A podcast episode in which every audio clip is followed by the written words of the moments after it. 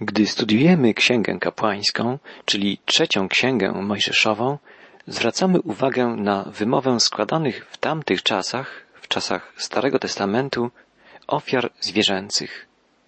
Już powiedzieliśmy, że wskazywały one na Jezusa Chrystusa i na Jego dzieło. Ofiary te zapowiadały, kim będzie Chrystus i co uczyni dla ratowania człowieka. Mówiły więc o osobie Zbawiciela i o Jego dziele. Rozważając treść pierwszego rozdziału Księgi Kapłańskiej, dostrzegliśmy w sposobie składania opisywanych tam ofiar całopalnych obraz zastępczej śmierci Jezusa na krzyżu. Pierwszy rozdział Księgi Kapłańskiej mówił więc o Jezusie jako naszym zastępcy, kimś doskonałym, kto zmarł na krzyżu zamiast nas, grzeszników. W drugim rozdziale, opisującym ofiary pokarmowe, dostrzeżemy obraz człowieczeństwa Jezusa, obraz cudowności i doskonałości Chrystusa jako Syna Człowieczego, jako człowieka. Ofiara pokarmowa była ofiarą z produktów rolnych, z mąki, chleba, kaszy, oliwy. Gdy czytamy opis przygotowywania ofiary pokarmowej, przypomina nam on przepis kulinarny. I tak jest rzeczywiście. Ofiara ta polegała na złożeniu na ołtarzu pokarmu, albo w postaci produktów spożywczych, albo w postaci gotowego wypieku. Aaron i jego synowie zatrzymywali część tej ofiary dla siebie. Nie była więc spalana w całości, tak jak ofiara całopalna. Nie było też w przypadku składania tej ofiary przelania krwi, co wyróżnia ją spośród wszystkich innych ofiar. Ofiara pokarmowa zapowiadała doskonałość Jezusa jako człowieka. Nie dostrzeżemy tutaj ilustracji wyobrażających Jego boskość. Drugi rozdział Księgi Kapłańskiej kładzie akcent na człowieczeństwie Jezusa. Jezus był wzorem człowieczeństwa, był doskonałym człowiekiem. Boży zamiar względem człowieka wypełnił tylko On. Tylko Jezus był takim człowiekiem, jakiego chciał mieć Stwórca. Tylko On żył w sposób, w jaki powinniśmy żyć my wszyscy. Jezus objawił pełnię człowieczeństwa. Żył w doskonałej harmonii z niebiańskim Ojcem, wypełniając Jego wolę, przynosząc Mu chwałę. Drogi słuchaczu, jeśli spojrzymy na współczesnego człowieka, z bólem musimy stwierdzić, że jest on daleki od wzorca zaplanowanego przez Stwórcę. Czy pomyślałeś kiedyś o tym choć przez chwilę? List do Rzymian mówi, wszyscy zboczyli z drogi, zarazem się zepsuli. W oryginale użyto tu słowa wrak. Nie ma takiego, co dobrze czyni, zgoła ani jednego. Wszyscy zgrzeszyli i brak im chwały Bożej. Wszyscy przypominamy wraki. Bóg nie może zbawić nas, oceniając to, czy wypełniamy Jego prawo z prostej przyczyny. Widzi, jak jesteśmy ułomni, jak jesteśmy słabi. Nie jesteśmy w stanie wypełniać i przestrzegać Bożych przykazań. Nasza natura skażona jest grzechem. Jesteśmy egoistami. Miotają nami namiętności, Mamy tendencję do samowoli, do walki z innymi o swoje racje, do gromadzenia dóbr, pieniędzy bez opamiętania, do zaspokajania swoich rządz i zachcianek, do osądzania i obmawiania innych. Bóg ma całkiem inną wizję człowieczeństwa. Jeśli chcemy zrozumieć, dlaczego powołał człowieka do życia, spójrzmy na Jezusa. Oto człowiek, który wypełnił Boży plan – dostrzegamy chwałę w Jego człowieczeństwie. Jego życie wypełniło świat nową nadzieją. Doskonałość i cudowność Jezusa jest prawdziwą, miłą wonią dla Boga, jak określa to Księga Kapłańska. Rozpoczynając rozważanie treści drugiego rozdziału Księgi Kapłańskiej, zwróćmy uwagę na generalną zasadę odnoszącą się do opisywanych tu ofiar. Równie ważne jest to, jakie składniki pokarmowe odnajdujemy w występujących tu ofiarach, jak to, jakich składników w nich brakuje. Zapamiętajmy tę zasadę. Równie ważne jest to, jakie składniki pokarmowe odnajdujemy w występujących tu ofiarach, jak i to, jakich składników w nich nie ma. Przeczytajmy pierwszy wiersz drugiego rozdziału Księgi Kapłańskiej. Jeżeli kto chce złożyć w darze dla Pana ofiarę pokarmową, niech złoży w darze najczystszą mąkę. Niech poleje ją oliwą i doda do niej kadzidła.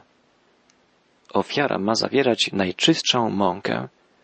Czysta mąka w tamtych czasach była czymś niezwykłym. Nie było wtedy wielkich młynów i całej skomplikowanej procedury uzyskiwania czystej mąki. Mielano wtedy ręcznie, ścierając ziarno tłuczkiem w kamiennym naczyniu. Żeby wyprodukować mąkę dobrej jakości, tłukący ziarno musiał poświęcić tej pracy wiele czasu, wiele energii, musiał wykazać się niezwykłą cierpliwością i wytrwałością. Ofiara pokarmowa ma, jak czytamy, zawierać mąkę najwyższej jakości. Znaczy to, że musi być doskonale obtłuczona. Mamy tu obraz osobowości Chrystusa. Współcześnie użylibyśmy na jej określenie wyrażenia osobowość dobrze zintegrowana. Osobowość Jezusa była osobowością prawidłową, wzorcową. Właściwie Jezus był jedyną normalną osobą ludzką żyjącą na tej ziemi, w pełnym tego słowa znaczeniu. Grzech bowiem spowodował, że osobowość każdego z nas jest jakby okaleczana, zwichnięta, niepełna. Zwróćmy uwagę, że nawet postacie biblijnych mężów bożych pełne są ułomności. Na przykład Samson dokonywał wielkich rzeczy, wykorzystywał swoją ponadnaturalną siłę fizyczną, ale jego umysł i wola były słabe. Apostoł Paweł był z kolei umysłowym olbrzymem, ale jego ciało było schorowane i ułomne. Szymon Piotr był odważny, szybki, gdy otaczali go inni uczniowie, a gubił się w osamotnieniu. Król Saul był typem człowieka realizującego swoją wolę, człowieka upartego, opornego i nie był zdolny do zajęcia właściwej pozycji w Bożym planie. Nie umiał zgiąć swoich kolan w posłuszeństwie względem Boga. Król Salomon z kolei, słynący z mądrości, upadł z powodu swojej słabości moralnej. Nawet tak bliscy sercu Boga ludzie jak Mojżesz, Abraham czy Dawid popełniali poważne błędy, świadczące o ich słabościach. Czytamy o tym na kartach Biblii. Wszystkie te postacie są przykładem ułomności człowieka. Postać Jezusa kontrastuje z nimi wyraźnie. W Jego osobowości wyczuwamy doskonałą równowagę emocjonalną, umysłową, doskonałą wolę. Jest w Jego charakterze doskonała harmonia. Jest delikatny i silny, łagodny i stanowczy, samodzielny i wrażliwy, wrażliwy na odczucia innych. Cechuje go przenikliwość, mądrość i dobroć, kieruje nim miłość, troska o innych i pragnienie wypełnienia woli Boga Ojca. Tak, Jezus był wspaniałym, doskonałym człowiekiem. Był takim człowiekiem, jakim Bóg chciałby, aby był każdy z nas. Drugim składnikiem ofiary pokarmowej była oliwa. Czytaliśmy, jeżeli kto chce złożyć w darze dla Pana ofiarę pokarmową, niech złoży w darze najczystszą mąkę i niech poleje ją oliwą. Kapłan polewał oliwą mąkę. Oliwa to symbol Ducha Świętego.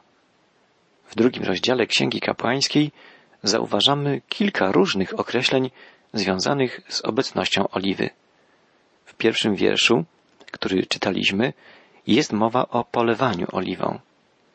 W wierszu czwartym i piątym czytamy o zaprawianiu oliwą, o pomazaniu oliwą, a w wierszu szóstym czytamy o polaniu, w siódmym o zaczynieniu oliwą. Widzimy, że oliwa była ważną częścią ofiar pokarmowych i że była dodawana do mąki lub do ciasta na różne sposoby. Możemy tutaj dostrzec niezwykły, symboliczny obraz działania Ducha Świętego, roli Ducha Świętego w ziemskim życiu Jezusa jako człowieka. Po pierwsze, wiemy, że Jezus narodził się z dziewicy za sprawą Ducha Świętego, jak czytamy między innymi w Ewangelii Łukasza w pierwszym rozdziale. Z tym faktem kojarzy nam się wyrażenie zaprawiania mąki oliwą. W czasie chrztu spoczął na Jezusie Duch Święty. To druga prawda. Znajdujemy ją na przykład w Ewangelii Mateusza w trzecim rozdziale.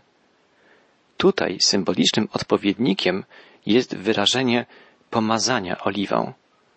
Po trzecie, Jezus był prowadzony przez Ducha Świętego. Czytamy o tym między innymi w Ewangelii Marka w pierwszym rozdziale. Tutaj odpowiednikiem symbolicznym jest czynność rozlewania oliwy. Nauczanie Jezusa, dokonywanie cudów, zwycięstwo nad śmiercią, wszystko to działo się w mocy Ducha Świętego.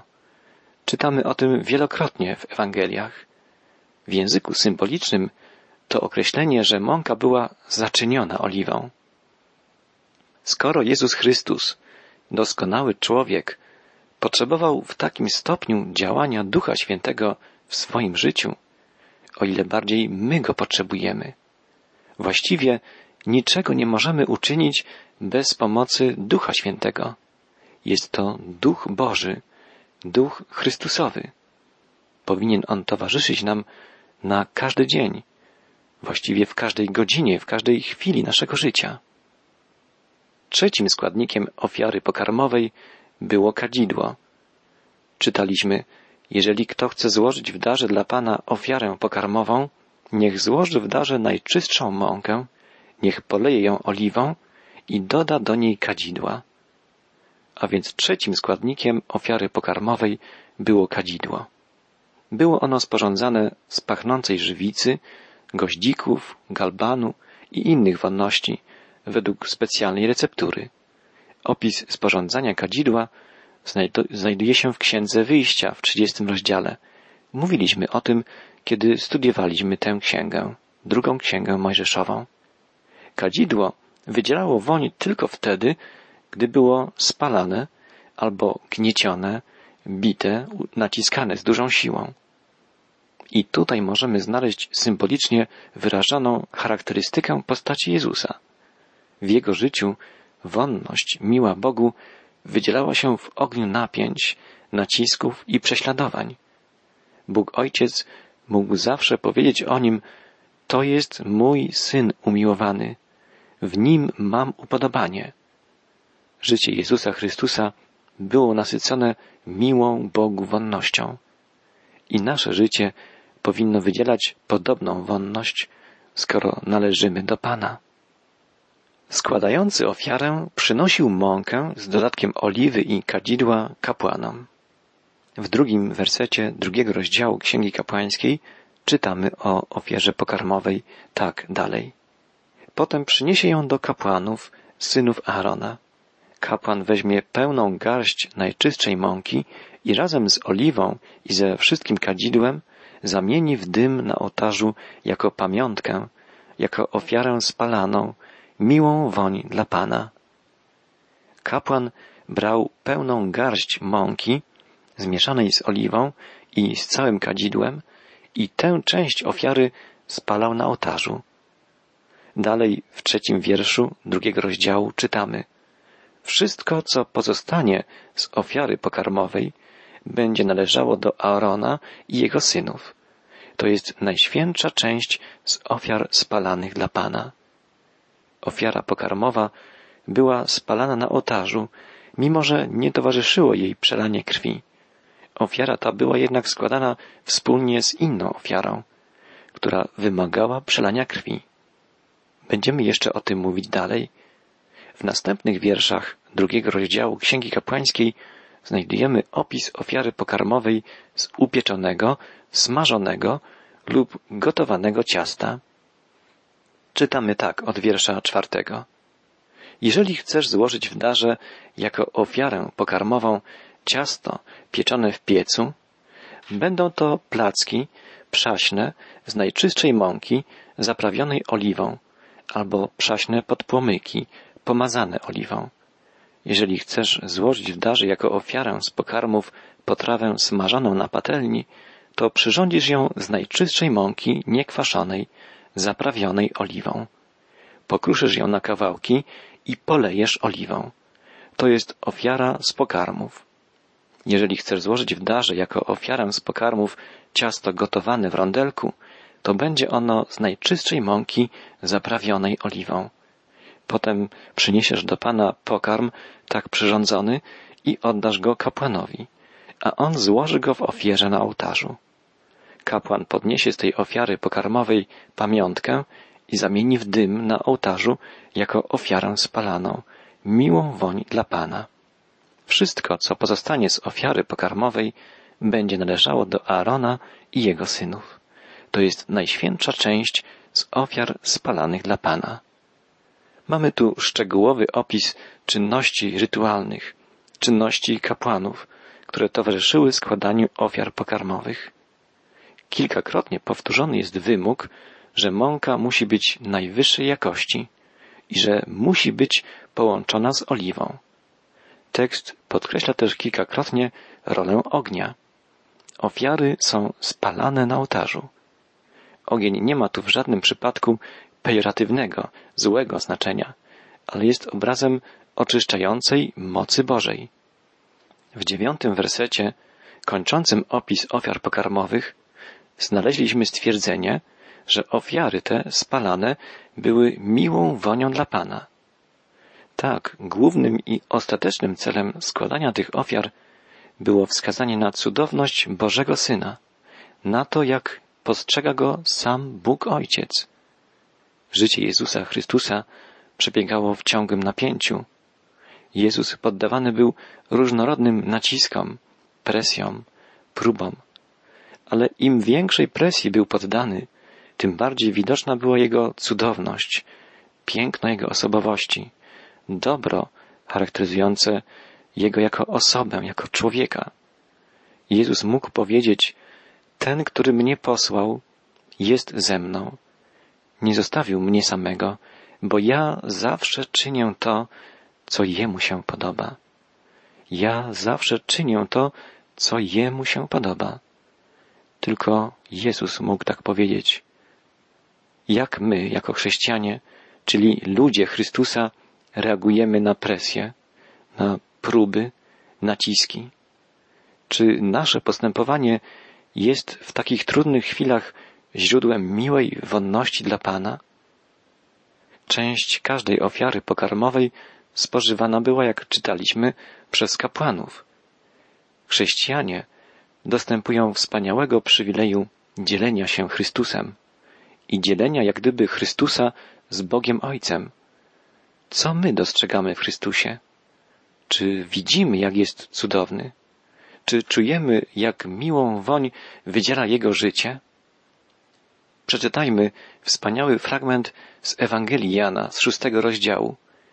Jezus powiedział, Zaprawdę, zaprawdę powiadam wam, jeśli nie będziecie jedli ciała Syna Człowieczego i pili krwi Jego, nie będziecie mieli życia w sobie. Kto spożywa ciało moje i pije krew moją, ten ma życie wieczne, a ja go wskrzeszę w dniu ostatecznym. Albowiem ciało moje jest prawdziwym pokarmem, a krew moja jest prawdziwym napojem. Kto spożywa ciało moje i pije krew moją, we mnie mieszka, a ja w nim. Jak mnie posłał Ojciec, który żyje, a ja przez Ojca żyję, tak i ten, który mnie spożywa, żyć będzie przeze mnie. Taki jest chleb, który z nieba stąpił, nie taki, jaki jedli ojcowie i poumierali. Kto spożywa ten chleb, żyć będzie na wieki. Drogi przyjacielu, aby być chrześcijaninami, których życie będzie zachęceniem, przykładem i oparciem dla innych, musimy żyć z Chrystusem na co dzień. Musimy karmić się Nim nieustannie. Oczywiście nie dosłownie. Poprzez wiarę karmić się możemy Jego nauką, Jego słowem, Jego przykładem. Duch Chrystusowy powinien przenikać nas i przemieniać. Pomódlmy się. Panie Jezu, pragniemy żyć z Tobą na co dzień, pragniemy, by cudowność Twojej osoby, Twojego życia znalazła odzwierciedlenie w naszym życiu. Przenikaj nas, zmieniaj i prowadź. Amen.